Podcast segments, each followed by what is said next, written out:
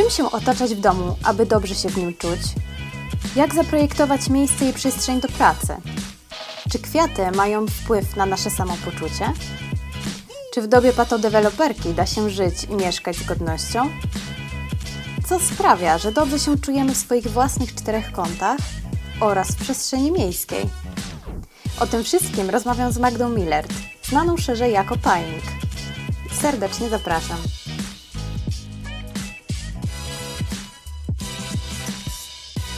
Cześć, witam Was serdecznie. Z tej strony Malwa, a to jest kolejny odcinek podcastu Preta Create. Dzisiaj moim gościem jest Magdalena Millert, czyli architektka i urbanistka, twórczyni kontentu właśnie z tego zakresu, zarówno na Instagramie, jak i na blogu. E, szerzej znana jako Paying. Cześć, witam Cię Magda. Cześć, dzięki wielkie za zaproszenie. E, sama przyjemność. Cieszę się bardzo, że znalazłaś czas e, i ochotę, że aby być e, gościem w naszym podcaście. Mm, pierwsze co, właśnie też jak pytałam Cię troszeczkę na backstage'u, czyli o wymowę nazwy Twojego profilu. Przypuszczam, że większość osób po prostu mówi paying, ale kto, kto pewnie zna mm, hasło z angielskiego, to wymawia je właśnie paying. Czy możesz powiedzieć, co się za tym kryje, skąd ta nazwa, bo to jest coś, od czego na pewno musimy zacząć?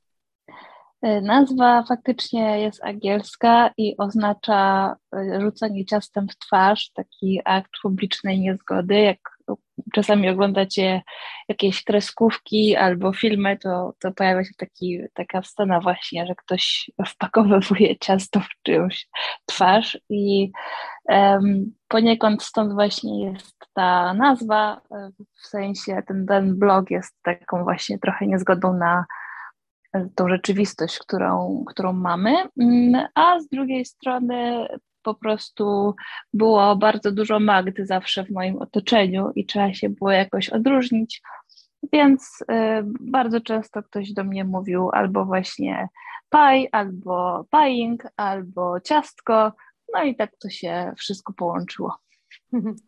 Okej, okay, wspaniale. E, czyli rozumiem, że tak jakby to jest troszeczkę rzeczywiście prześmiewcze w kontekście tego, czym się zajmujesz, czyli architekturą i urbanistyką, która e, jest, e, powiedzmy sobie szczerze, dosyć ciężkim, trudnym tematem, jeśli chodzi o Polskę. Mm, jeśli chodzi właśnie o tą architekturę i urbanistykę, e, powiedzmy sobie szczerze, że temat Twojej działalności, Twojej profesji e, jest, e, wydaje mi się, przynajmniej przed tym, jak zobaczyłam, jak poznałam Twoje konto już spory czas temu, to wydawał mi się totalnie mało instagramowy, w takim, wiesz, pejoratywnym znaczeniu tego słowa.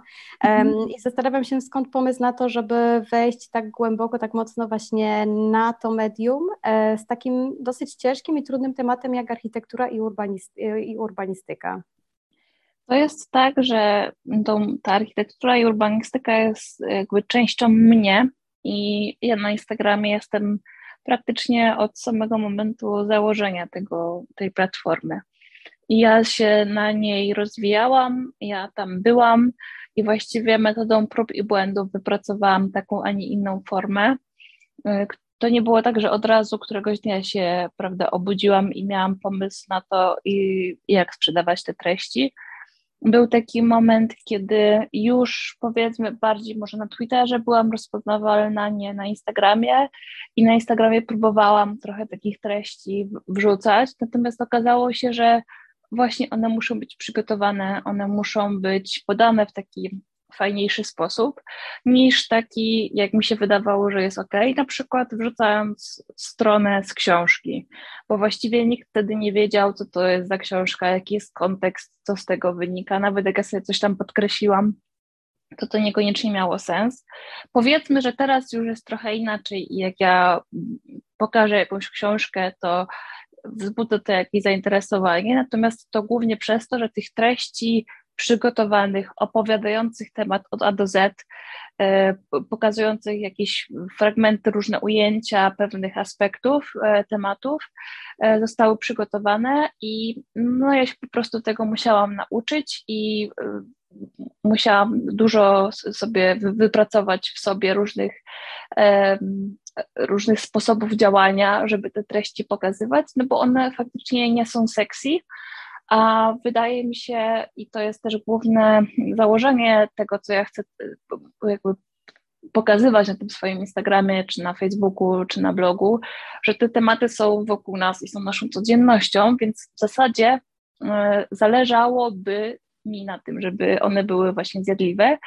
I o to chodziło, żeby mówić o tych trudnych rzeczach, o tych, których e, zwłaszcza w różnych książkach takich architektoniczno-urbanistycznych są po prostu opisywane tak trudno, że ja mam wrażenie, że są wygenerowane w jakimś e, sztucznej inteligencji, żeby opowiedzieć o prostych rzeczach w trudny sposób.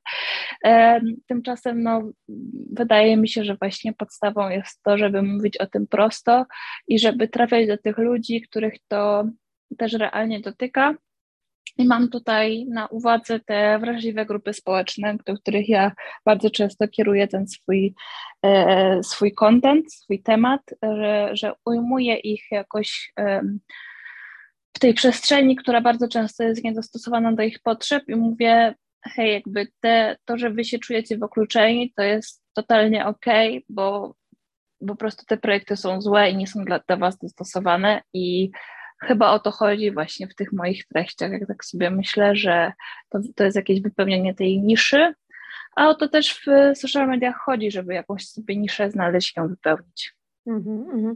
Ta nisza myślę, że teraz e, na szczęście zyskuje też na znaczeniu i coraz jest o niej głośniej i to jest też nisza, ale też rozumiem, że pewnego rodzaju misja, bo tak jakby wiadomo, że presja oddolna, presja społeczna też ma siłę, żeby zmieniać te rzeczy, więc to jest na pewno coś e, super, super po prostu, że, że zwracasz na to uwagę. Powiedziałaś tak jakby wprost, że szukałaś też swojej drogi, nawet tej wizualnej na Instagramie i oczywiście przeglądając Twój feed możemy zobaczyć tą drogę, co jest, co jest super tak naprawdę. I zastanawiam się, czy w momencie, kiedy rozpoczęłaś e, troszeczkę inny, wstawiać inny content wizualny, czyli dawać te chmurki, tak jakby, czyli już po prostu od razu wiemy, o czym jest dany post, e, patrząc tylko na zdjęcie, czy to miało duży wpływ e, po prostu, że tak powiem, na ruch na Twoim Instagramie, tak totalnie już pytając, wiesz, trochę sprzedażowo, kontentowo? Mm -hmm. Myślę, że nie ma takiego przełożenia, że akurat nie wiem, tam chmurka czy identyfikacja, wizualna e, miała jakiś super wpływ. Wydaje mi się, że mm, to jest jakby taki trochę wypadkowa różnych rzeczy i najważniejsze było to, że to nie tak, może tak od początku, że wydaje mi się, że mm, musi być tak, że odpowiednie rzeczy się dzieją w czasie. Bo kiedy ja tworzyłam y, początkowo ten content bez tych tekstów w takich chmurkach, to było też y, tak, że na tym Instagramie za bardzo nie było polskich edukacyjnych kont, to był jeszcze ten czas, kiedy powiedzmy Instagrama kojarzyliśmy głównie z fitnessiarami i z jedzeniem. Mhm. Ewentualnie, e, prawda, mój nowy członek rodziny, piesek albo, albo dziecko nie umniejszając, y, nie umniejszam tutaj żadnym twórczyniom i twórcom, e, bo każdy pewnie sobie gdzieś tam wypełnia jakąś potrzebę i gdyby to nie było atrakcyjne, to by ludzie tego nie klikali. Natomiast chciałam po prostu powiedzieć, że jakby ja zaczęłam wychodzić z tym tematem w momencie, kiedy za bardzo nie było tych kont takich edukacyjnych, mówiących trochę w inny sposób, używających tej platformy w inny sposób. Mm, I właściwie sama treść była na tyle atrakcyjna, że nie musiałam mm, trochę, nie, nie musiałam walczyć o formę tej treści. Mhm.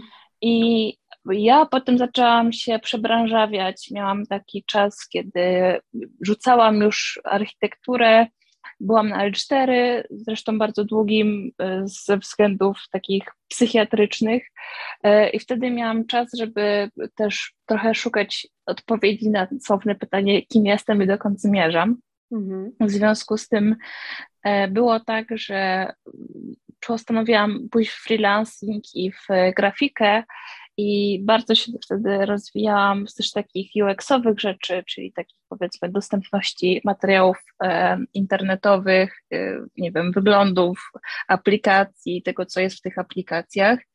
E, i mniej więcej temu się poświęcałam w różnych formach, na różnych zle zleceniach takich właśnie freelansowych i to mi dało też taką odpowiedź na to pytanie, że właściwie bardzo naturalnie e, przelałam to na to, co się jakby zaczęło wydarzać na Instagramie. Zaczęłam sobie szukać takiej bardziej atrakcyjnej formy, e, która wtedy też zaczęła być e, przydatna, bo jednocześnie w momencie, mm, kiedy zaczęły się pojawiać jakieś tam e, konta inne, edukacyjne, pokazujące, jak coś zrobić, jak czegoś nie robić, w różnych, na różnych dziedzinach, i pojawiały się też coraz częściej inne konta architektoniczne na Instagramie, bo ta branża też zaczęła odkrywać, że hej, możemy działać w social mediach, no to e, ta, wtedy, wtedy ta grafika zaczęła robić um, przewagę, tak? Bo ja wtedy już wiedziałam mniej więcej mm, chociażby jaka wielkość tekstu, ile tego tekstu ma być na jednym slajdzie, żeby to było zjadliwe, żeby to nie była ściana tekstu, której nikt nie czyta.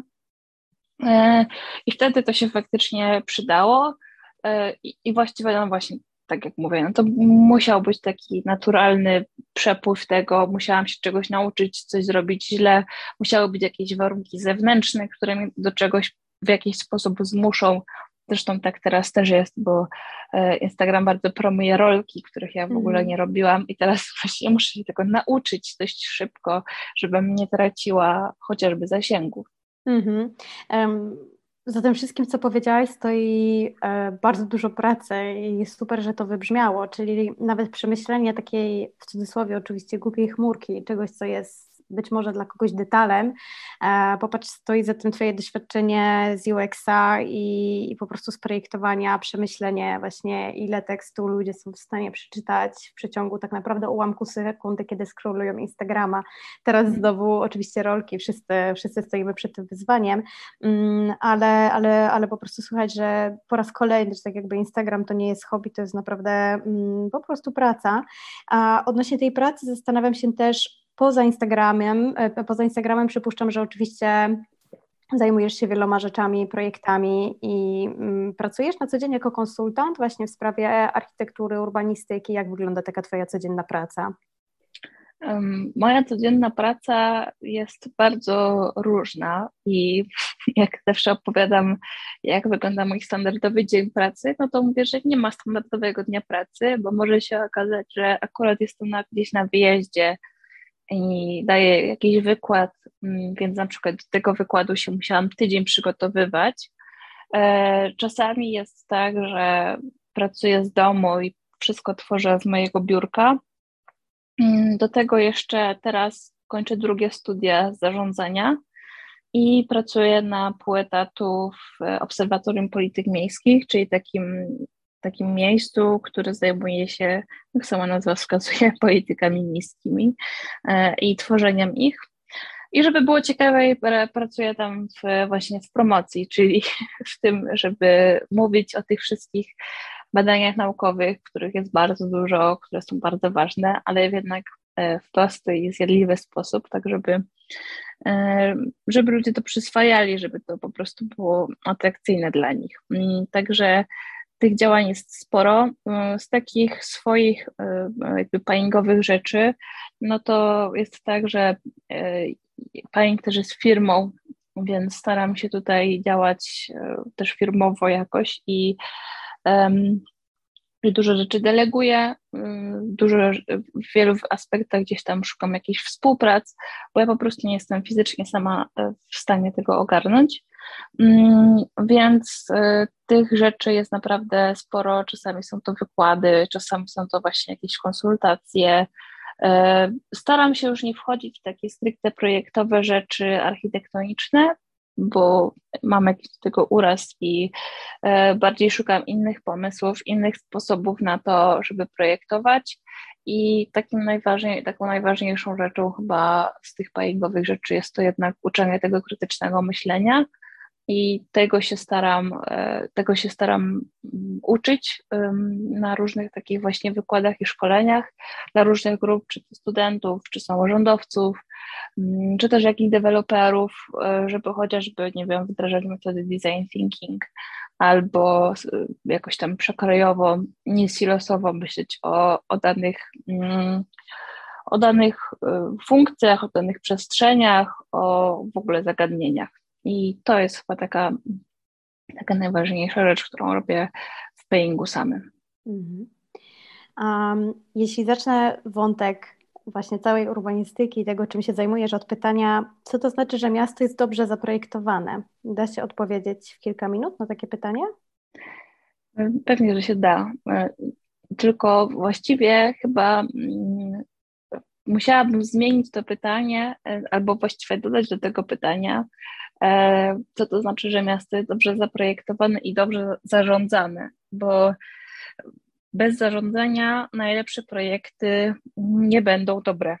I dobrze zarządzane miasto, dobrze zaprojektowane miasto jest tako, taką przestrzenią, która nie wyklucza, która daje odpowiedzi na różne potrzeby dla różnych grup społecznych.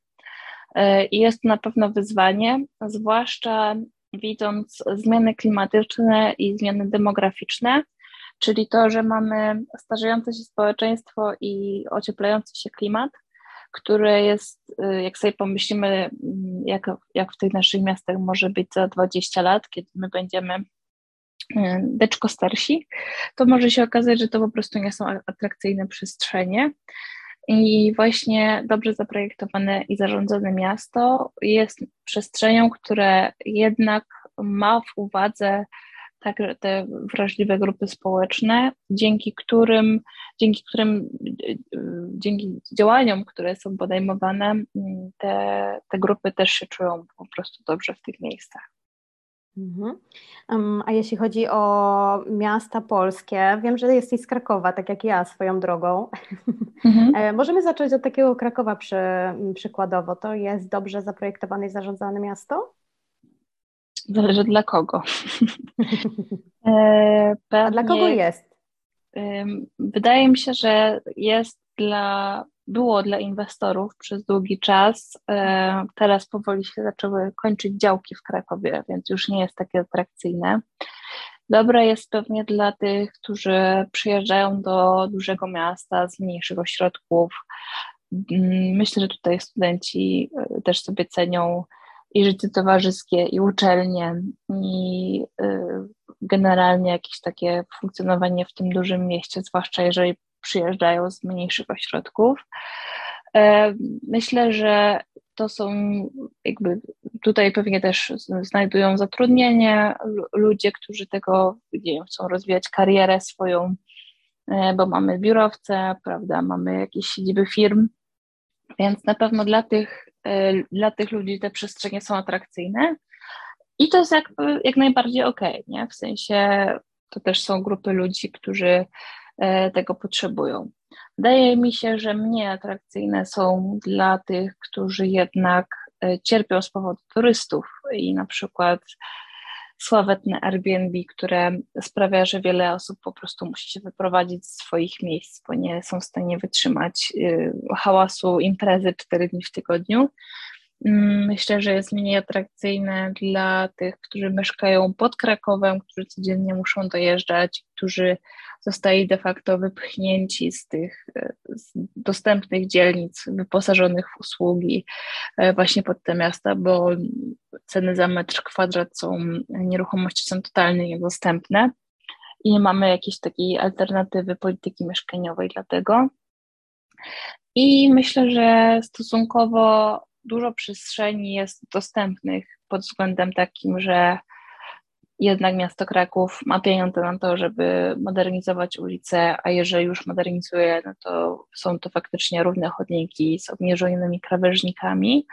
Mamy transport zbiorowy, który też jest dobry i sprawny w miarę i też ma nowy tabor. Natomiast na pewno są takie przestrzenie, które jednak nie są odpowiednio y, inkluzywne i dostępnościowo y, nie, i nie są dostępne, tak może powiem, um, które niestety dla wielu tego standardu y, podstawowego nie spełniają i sprawiają, że właśnie czy to przejścia podziemne i niedziałająca winda, czy w ogóle brak jakiegokolwiek usprawnienia sprawiają, że nie są w stanie jakąś, jakiejś trasy pokonać. Natomiast no, miasto Kraków jest miastem dużym, więc też pewnie w zależności od tego, jaką dzielnicę byśmy tutaj, na jaką byśmy patrzyli, to różnie to by się mogło objawić i pewnie też w zależności właśnie od różnych grup e, ludzi. Które tam są w tej przestrzeni. A, a tak można zrobić taką generalizację, bo z tego, co mówisz mi jako totalnemu laikowi w temacie urbanistyki i takiemu powiedzmy obserwatorowi bardziej z zewnątrz, wydaje mi się, że wszystko to, co powiedziałaś, zwłaszcza jeśli chodzi o um, zwiększenie popularności Airbnb, wyprowadzenie się osób z centrum, e, lokalnych, e, lokalnych osób, um, jeśli chodzi oczywiście o e, deweloperkę na każdym skrawku zieleni i ewentualnie w każdym miejscu, w którym już nam się wydawało, że się nic nie zmieści, a jednak się zmieści. Wydaje mi się, że jak zrobimy generalizację, to możemy to, to zrobić kalkę na inne miasta duże w Polsce. Mm, tak wydaje mi się z mojej perspektywy, czy tak rzeczywiście jest? Warszawa, Wrocław, Poznań, Gdańsk na przykład. Tak, z tym, że Warszawa nie ma tego problemu takiego stricte turystycznego. Tam jest bardziej y, miasto, bym powiedziała, biznesowe, tak? I y, tam też jest taki przerost, przerost skali. Właściwie Warszawa się zbliża do tego, do tego momentu krytycznego, ile może wchłonąć nowych y, siedzib firm, y, nowych biurowców, nowego wszystkiego, takiego właśnie luksusowo prestiżowego, tak bym to nazwała. Natomiast reszta miast, y, faktycznie, zwłaszcza tych właśnie takich typowych y, Stare Miasto, y, przy, przyciągające turystów właśnie w takim widok, widokówkowym ujęciu, to jak najbardziej tak. Te, te wszystkie, tak, na, tak naprawdę te pięć najważniejszych miast w, w, Polsce ma ten problem. Z tym, że. Kraków no, tutaj króluje właśnie względem turystów i deweloperki mam wrażenie, bo jak byłam po trzech miesiącach, to wow, naprawdę y, byłam pod wrażeniem, że jeszcze więcej żurawi się zmieści w tym mieście. Ale mhm. już zostawmy, zostawmy Kraków, który, który rzeczywiście bardzo się zmienił na przestrzeni ostatnich lat.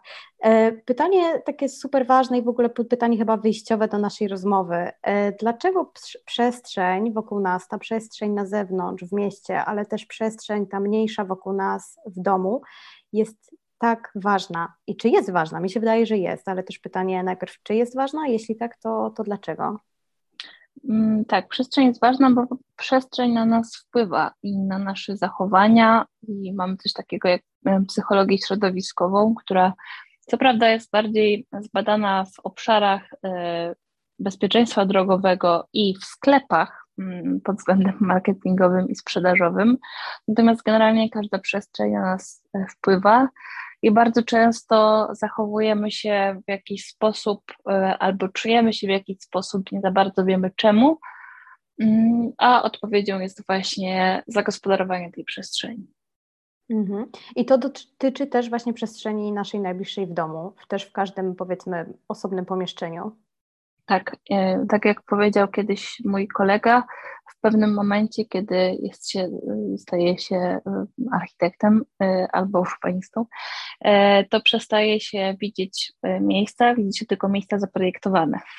Mhm. Więc no, tak analogicznie do tego, co powiedział, no to tak, każda przestrzeń, czy to ta na zewnątrz, czy to ta w samochodzie, czy to nasza sypialnia, czy to nasze mieszkanie ogólnie, E, czy chociażby korytarz i wiem, uczelnia, każde miejsce zostało zaprojektowane i każde miejsce na nas w jakiś sposób wpływa. Mhm.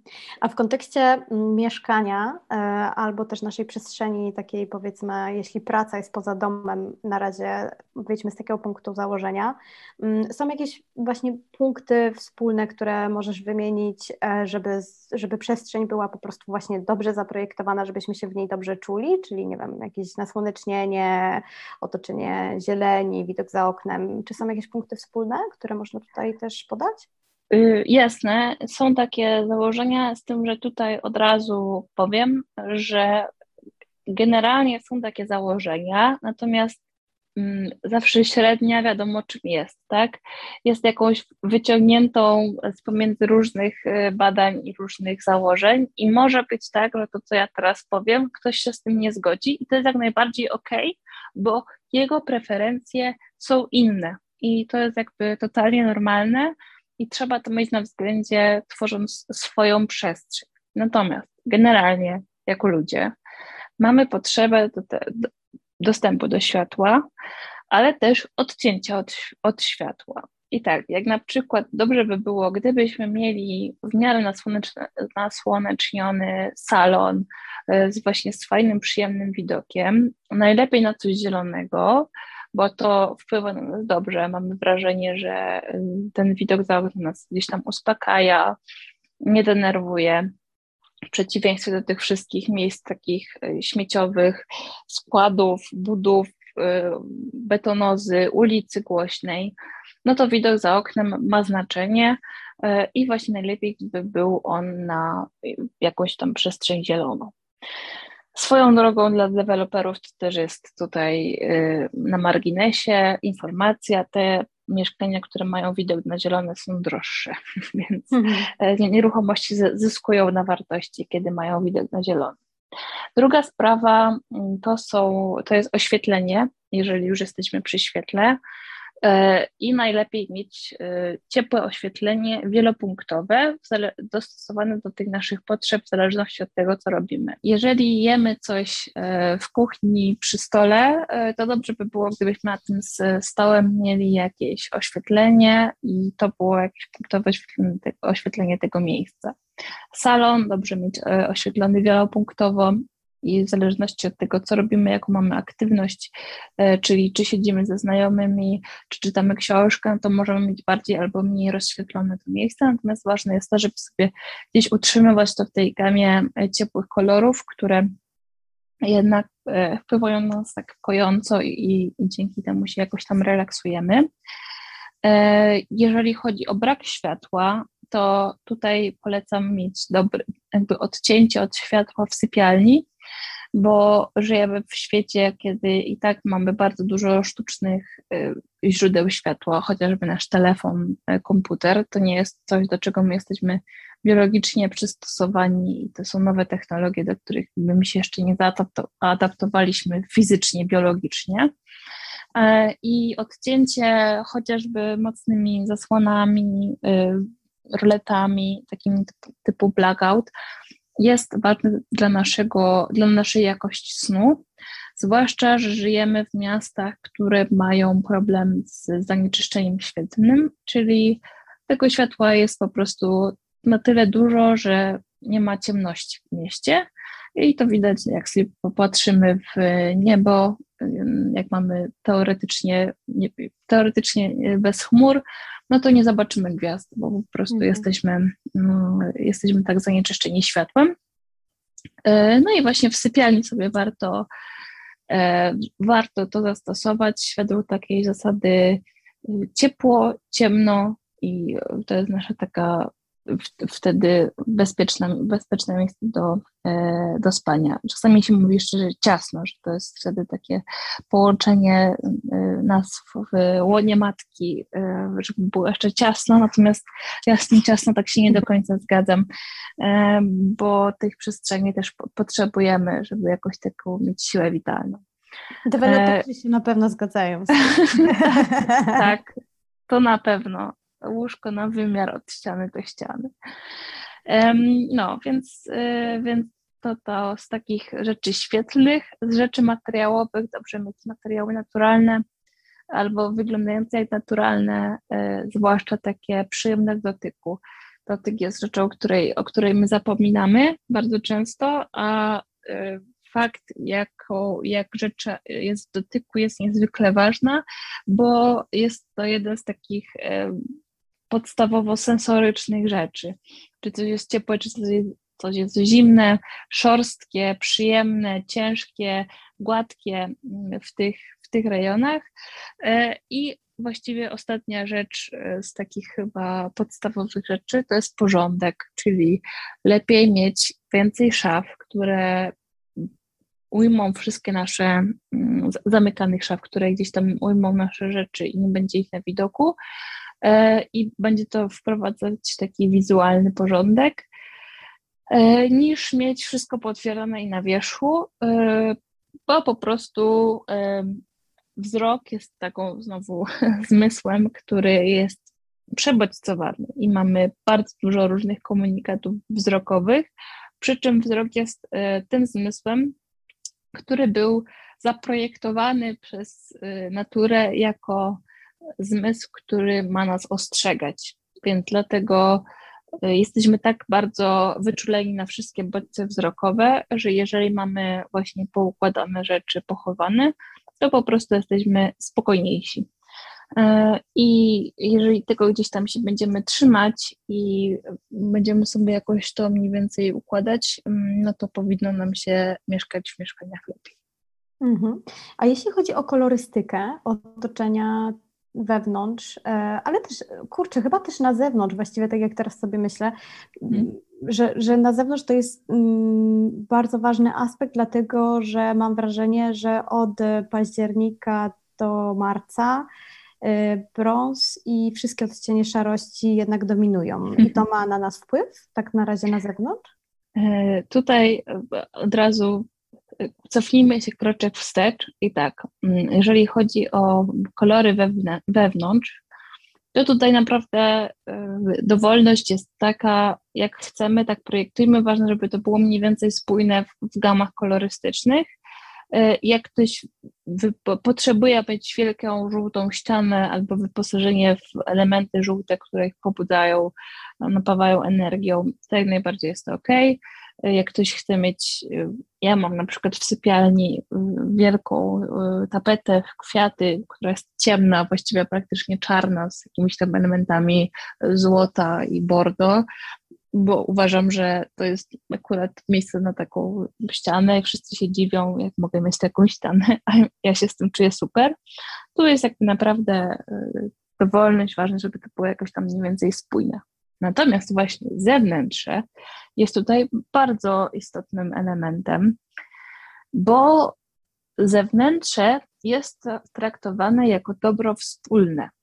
No i e, jeżeli sobie pomyślimy o wnętrzu naszego mieszkania i zewnętrzu, no to mamy raczej wolność tamku w swoim domku, ale zewnętrze jest dobrem ogólnym, które powinno nas ogólnie zadowalać w jakości. I jeżeli mówisz właśnie o tym, e, o tym temacie, e, prawda, październik, marzec, to totalnie się zgadzam, że mniej więcej e, naturalnie, że nic nie kwitnie, że jest śnieg, ten śnieg jest bardzo często brudny albo właściwie nie ma tego śniegu, trawa jest przygaszona, nie ma zieleni na drzewach, to totalnie są takie kolory. Chyba, że rozszerzymy to wszystko, co jest dookoła, czyli każdy budynek jest w innym kolorze. Mamy mnóstwo reklamozy, mamy mnóstwo elementów, które gdzieś tam nas y, przykuwają naszą uwagę. Y, mamy te przestrzenie poszatkowane, rozdzielone, nie, nie ułożone w jakimś takim względnym ładzie. Jak się przejdziesz w październiku po Starym Mieście, to masz zupełnie inne doznania niż się przejdziesz po Ryczaju w październiku, tak? A to mhm. jest ta sama pora. No i widać, jak to uporządkowanie przestrzeni na nas wpływa, jak ten chaos przestrzenny ma negatywne na nas tutaj nastawienie. Jeżeli tu mamy żółty baner, a obok niebieski, e, jakiś dom w pomarańczowej elewacji, a obok wielki szklany biurowiec z jakąś płachtą, wynajmę mieszkanie, czy tam lokal e, pomalowany na mm, biało-czerwono, no to w ogóle nam się wszystko gubi i nie ma żadnej spójnej e, wizji tego. A to no właśnie na nas wpływa z racji tego, że właśnie ten wzrok jest e, bodźcem takim alarmującym i mówiącym nam o zagrożeniu. No i tutaj od razu uwaga do tego, co widzimy codziennie, czyli znaki drogowe nie bez powodu, znaki ostrzegawcze są żółto pomarańczowe, powiedzmy żółto-czerwone, mówiące o właśnie zagrożeniu, i one nam giną w tym chaosie przestrzennym bardzo mhm. często. Mhm. A zastanawiam się, bo jedna sprawa to jest nasz klimat, z którym nic nie zrobimy e, po prostu, czyli że nie ma zieleni i, i, i rzeczywiście wszystkie te naturalne kolory są bardzo delikatnie mówiąc przygaszone. Mm, ale druga sprawa, czy jest coś, co możemy zrobić, e, jeśli chodzi o kolorystykę, właśnie nawet w tym okresie październik-marzec? Myślę sobie teraz o tych krajach skandynawskich, które też niektóre miasteczka w tych e, krajach słyną po prostu z pięknej palety kolorów. E, I czy to jest dobry kierunek, żeby właśnie trochę kolorować budynki, te betony, żeby oczywiście zlikwidować reklamy, billboardy i, i pójść w jakąś stronę. W stronę kolorowania budynków zewnętrznych, oczywiście zachowując jakieś reguły, bo jak sobie weźmiemy całą tam paletę Pantona, to zaraz będziemy mieć dramat jeden wielki i tak jak powiedziałaś, że to jest dobro wspólne i muszą tu być jakieś reguły, ale czy jest, widzisz tutaj miejsce do poprawy albo chociażby właśnie do zmiany, do rozszerzenia palety, która jest obecnie używana, jeśli chodzi o elewację na przykład? Ja bym w ogóle szła w drugim kierunku, bo mm, tak jak mówisz, y, ta cała gama Pantona to jest widoczne, zwłaszcza jak się wyjedzie z dużego miasta i się wjeżdża do, do mniejszych miejscowości, wiosek. Widać, że tam mimo tego, że stoi dom koło domu, to albo nawet są bliźniaki, to każdy jest w zupełnie innym kolorze i jest pełny chaos, więc e, ja naprawdę bym poświęciła przynajmniej dekadę na to, żeby to uspójnić i wypracować e, chociażby nauczyć się społecznie naprawdę przestrzegania reguł, porządku wspólnego, dobra wspólnego, estetyki zewnętrznej e, i zostawić naprawdę bardzo mały margines tego, e, jak można tworzyć w planach miejscowych, w ustawach, uchwale krajobrazowej, wpisywać naprawdę bardzo mocne ograniczenia, bo my jako Polacy mamy po prostu gen do obchodzenia przepisów.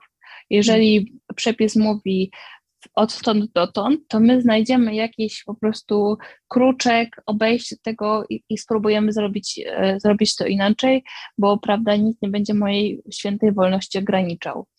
E, I dopóki my się jakby nie nauczymy tego dobra wspólnego i wytwarzania tej przestrzeni w takich konkretnych regułach, to pozwolenie właśnie na, na to malowanie do niczego dobrego nie doprowadzi. I to naprawdę widać w tych wszystkich miejscach, które nie są w żaden sposób uregulowane, że tam na zasadzie e, większego kontrastu jest to robione. Mm, bo jeżeli mamy przestrzenie, y, które są różnokolorowe w krajach skandynawskich, to zauważ, że one chociażby mają jedną formę.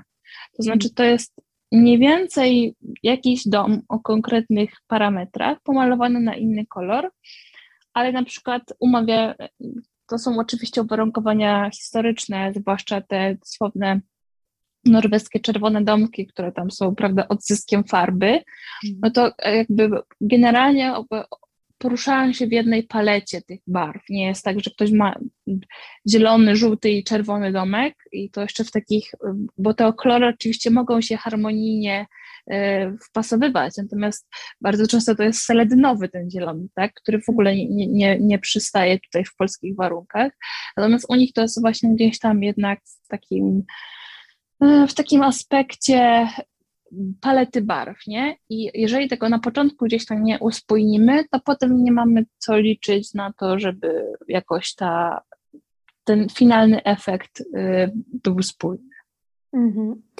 Mm, a w takim małym wymiarze, w takim razie, wracając do tego, co my możemy zrobić sobie indywidualnie tutaj w naszej najbliższej przestrzeni, mm, to też jeszcze chciałam Cię zapytać o taki ważny aspekt, który od dwóch lat jest e, tematem numer jeden, czyli jak na przykład połączyć, jak zorganizować sobie przestrzeń e, na pracę, która odbywa się jednak w domu. Czy masz tutaj jakieś gotowe triki dla nas, żebyśmy sobie zastosowali? Mhm. Najlepiej Oczywiście to jest y, rzecz, która, która wielu osób zdenerwuje, bo nie ma takiej możliwości, ale najlepiej faktycznie wydzielić sobie jakąś przestrzeń w innym pomieszczeniu. W sensie, y, jeżeli chociażby to była garderoba, to żeby, może garderoba jest zbyt ciemna, ale powiedzmy, jeżeli mamy dużą sypialnię, to z tej sypialni faktycznie gdzieś jakąś ścianką sobie to wydzielić i faktycznie przeznaczyć to miejsce na, na pracę, Dlatego też e, obecnie widzimy w wielu ofertach nieruchomości e, taki sam metraż z większą ilością pokoi. To jest rzecz, której się nauczyliśmy po pracy zdalnej którą rynek przejął względem naszych potrzeb właśnie i to ewidentnie widać. A z takich rzeczy mniejszych, no to na pewno dobrze by było, gdyby było e, biurko, które jest jednak ergonomicznym biurkiem. To nie jest stół kuchenny, i krzesło, które też jest krzesłem na, prawda, jeżdżącym, mającym podłokietniki, mającym wezgłowie i żebyśmy mieli odpowiedni, odpowiednią sposób siedzenia przy, przy tym biurku, oświetlenie tego biurka, monitor na odpowiedniej wysokości, żeby to nie był tylko laptop, tylko żeby był monitor, który jest troszkę wyżej, żebyśmy patrzyli na wprost, nie garbili się, nie byli taką krewetką, prawda, przy tym naszym biureczku, um, tylko żeby to była w, w ten sposób przestrzeń zorganizowana i właśnie najlepiej, gdyby ona była w jakiś sposób wydzielona, żeby, żeby mieli wrażenie, że wychodzimy z tej pracy. Bo z jednej strony e, oczywiście były obawy przedsiębiorców, którzy mówią o tym, że nie wiadomo, czy ktoś do sklepu nie będzie chodził w godzinach pracy, Natomiast bardzo często jest tak, że my nie mamy kontroli nad tym czasem pracy i się okazuje, że w efekcie pracujemy mniej efektywnie i dłużej, e, jeżeli, jeżeli nie, nie, monitorujemy tego, kiedy w tej pracy jesteśmy. A jeżeli mamy taką zdolność, do tego bym zachęcała, żeby faktycznie myśleć o tym, kiedy w tej pracy jesteśmy, kiedy w tej pracy nie jesteśmy, i sobie to jakoś tak właśnie zagospodarowywać. E, jeżeli siedzę przy biurku, to wtedy jestem w pracy, jeżeli nie jestem przy biurku, to nie jestem w pracy. Mm-hmm, mm-hmm. Um, oczywiście to też nie zawsze da się to wdrożyć i wszyscy sobie zdajemy z tego sprawę, ale być może właśnie już te dwa lata gdzieś tam um, nauczyły nas e, tego, że jednak warto zawalczyć o tą przestrzeń i chociażby tak prowizorycznie E, właśnie wyznaczyć sobie granice. Myślę, że to, o czym powiedziałaś, jest super ważne. E, mhm. Właśnie po prostu postawienie granic między domem a pracą. E, a jeśli jeszcze chodzi o takie powiedzmy polepszacze nastroju i samopoczucia we wnętrzach, to jaką rolę tutaj odgrywają takie kwestie jak nowy kwiatek, nowy plakat na ścianie, jakieś małe przemeblowanie? To jest dobre dla nas, dla naszego samopoczucia? Mm, to właściwie chyba w zależności od tych naszych potrzeb.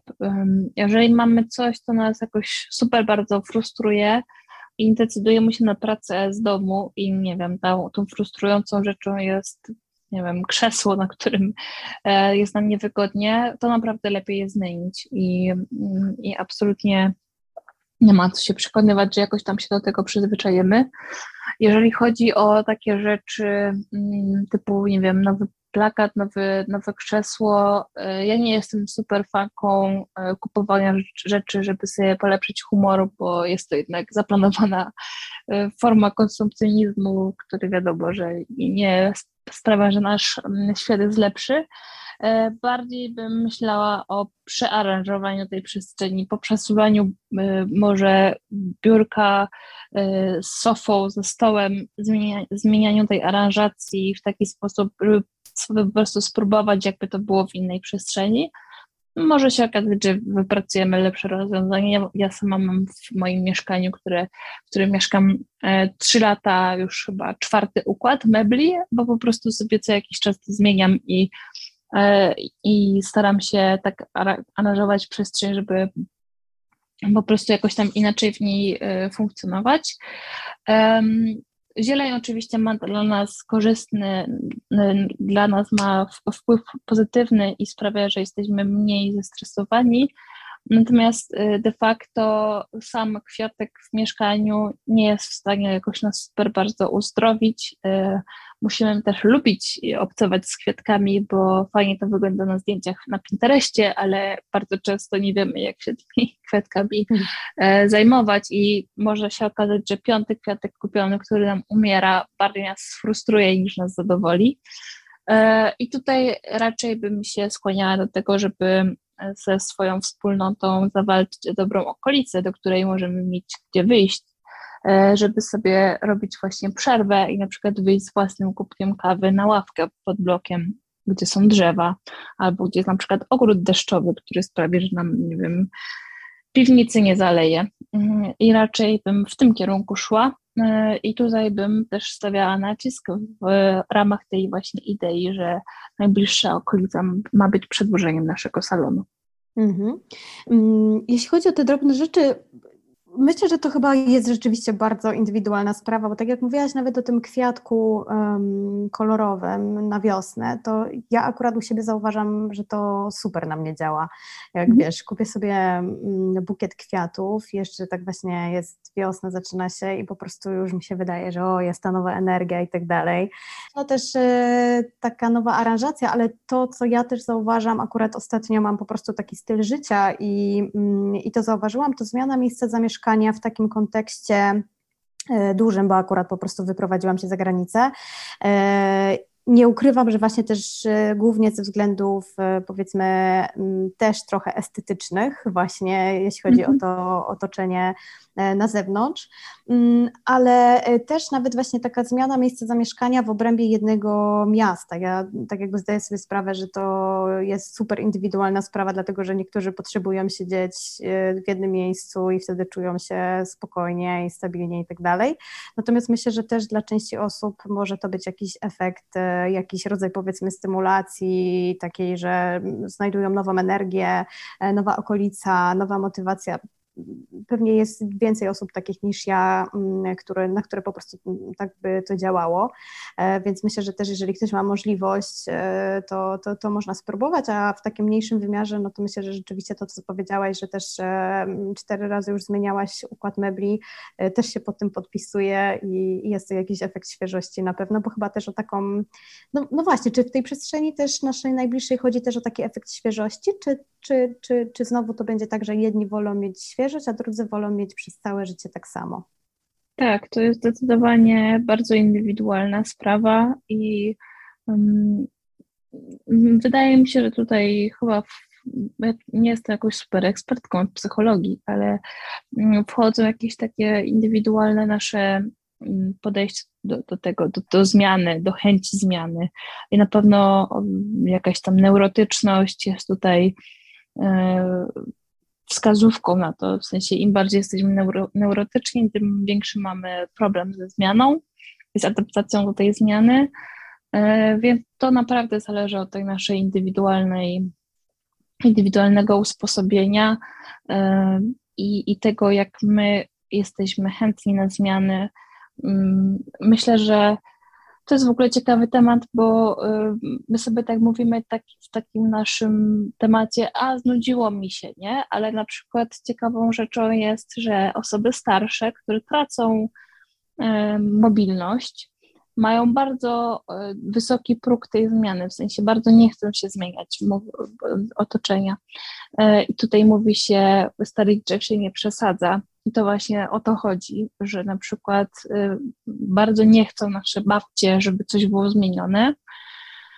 Y, I ja mam wtedy duże doświadczenie na tym polu, bo też współpracuję od lat z różnymi projektami właśnie adaptacyjnymi y, i te zmiany właściwie powinny być wymuszone, czyli na przykład właśnie nie wiem, niwelacja progów, remont kuchni, tak żeby szafki były niżej, bo prawda, kurczymy się, przygarbiamy się, nie mamy takiej, takiego zasięgu ręki, e, powinniśmy mieć prysznic, a nie wannę, wyżej pralkę, e, tego typu rzeczy, a właśnie osoby starsze bardzo są odporne na, na, na tą zmianę i bardzo tego nie chcą. I będą się wywalać, potykać, rozbijać rzeczy, tylko dlatego, że tej zmiany nie chcą, nie? I to jest w ogóle już zupełnie inny poziom e, tej zmiany, nie taki przyjemny, o którym sobie mówiłyśmy właśnie w ramach naszego mieszkania, a być może e, rzecz, o której powinniśmy myśleć jako naszych właśnie naszych babciach, naszych rodzicach też za, za teraz albo za kilka lat, w zależności od tego, ile lat mają rodzice, to też jest prawda zmiana miejsca zamieszkania, sposobu mieszkania, wyposażenia tego mieszkania, która jednak y, trochę, powin, trochę powinniśmy przygotować grunt pod to, że coś takiego e, być może też nas będzie czekać.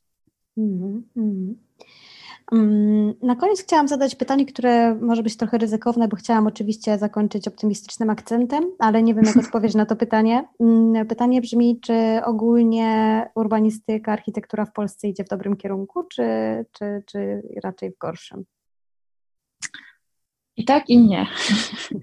W sensie, mm, wydaje mi się, że e, po pierwsze, to jest rzecz, która, która jednak bardzo szybko się nie da zmienić, bo no to wytwarzanie przestrzeni jest procesem bardzo długim. E, zmiana przepisów prawa potrzeba lat, żeby to się jakby wpłynęło na to finalnie, co się dzieje. Natomiast y, jest tak, że doszliśmy do momentu, że właściwie wszyscy się zgadzamy z tej takiej powiedzmy eksperckiej strony, że mamy fatalne planowanie przestrzenne. Instrumenty nie działają. Ministerstwa podejmują ten temat i mówią o konieczności zmiany tego, co się dzieje. Natomiast cały czas coś się właściwie dzieje, co nas gdzieś tam powstrzymuje, tak? Pandemia, zamknięte urzędy, przerzucenie środków na, na co innego i tu jest właśnie zarządzanie, tak? Um, teraz mamy wojnę na, na granicy, agresja Rosji na naszego najbliższego sąsiada, mamy potężny kryzys e, związany z uchodźcami i zupełnie nikt nie myśli o tym, że prawda tutaj hmm, planowanie przestrzenne względem MPZP i WZ niekoniecznie ma sens. Jakby to totalnie nie jest temat, którym się teraz będziemy zajmować przez najbliższe pół roku przynajmniej.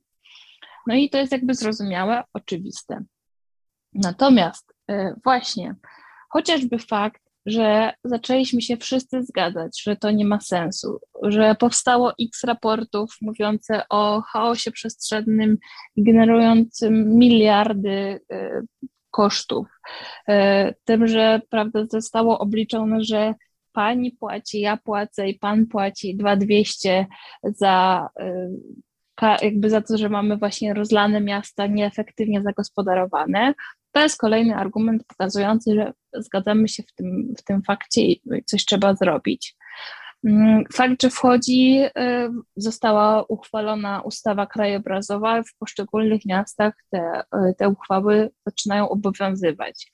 Fakt, że weszła ustawa Dostępność Plus, nakazująca nie tylko stronom, ale też urzędom, przestrzeniom dostosowanie, dostosowanie tych miejsc do właśnie osób nie, nietypowych w takim znaczeniu, że mających jakąś tam, jakiś tam stopień e, niepełnosprawności, nie będących tym sowetnym, e, sprawnym mężczyzną w sportowym obuwiu, który pokona każdą przestrzeń i porusza się samochodem. Fakt, że do głosu dochodzą właśnie projektantki, zwłaszcza te, które są świadome mm, tego, że na przykład poruszanie się po mieście z wózkiem jest zupełnie inne niż właśnie poruszanie się z domu do, do pracy. To, że jest x badań, które pokazują, że na przykład kobiety zupełnie inaczej się poruszają po mieście niż mężczyźni, albo ci, którzy powiedzmy sprawią funkcje opiekuńcze, bo właściwie tak powinnam mówić.